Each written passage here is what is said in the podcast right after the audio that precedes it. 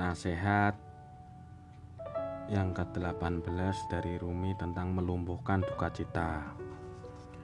Nasihatnya Jalaluddin Rumi seperti ini. Wahai duka cita, jika kau punya nyali, datanglah kepadaku. Kita memang bukanlah Jalaluddin Rumi yang mampu melumpuhkan setiap duka cita yang datang. Namun setidaknya bisa ambil pelajaran atau kita bisa belajar untuk tidak kalah dalam menghadapi beragam penderitaan.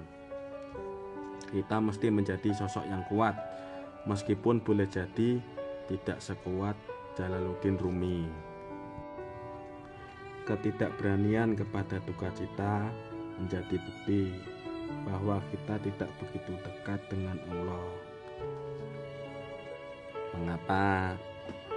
Ketika duka cita datang, kita selalu dihantui oleh ketakutan-ketakutan, bukan kekuatan-kekuatan untuk bangkit dan melawan penderitaan.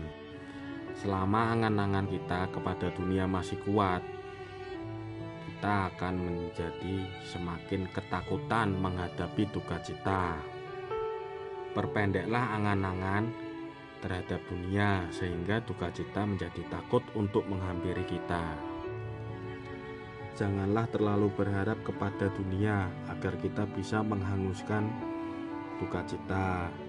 Berhati-hatilah dari keinginan dan harapan, karena sudah banyak orang yang dihancurkan olehnya.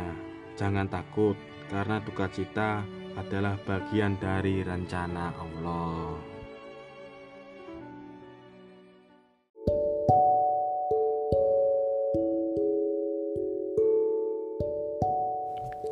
Tetap jaga hati dan pikiran, selalu tebarkan kebaikan. Jadilah manusia yang berguna dan bermanfaat terhadap sesama. Keep happy and smile. Semoga bermanfaat ya. Dah, assalamualaikum.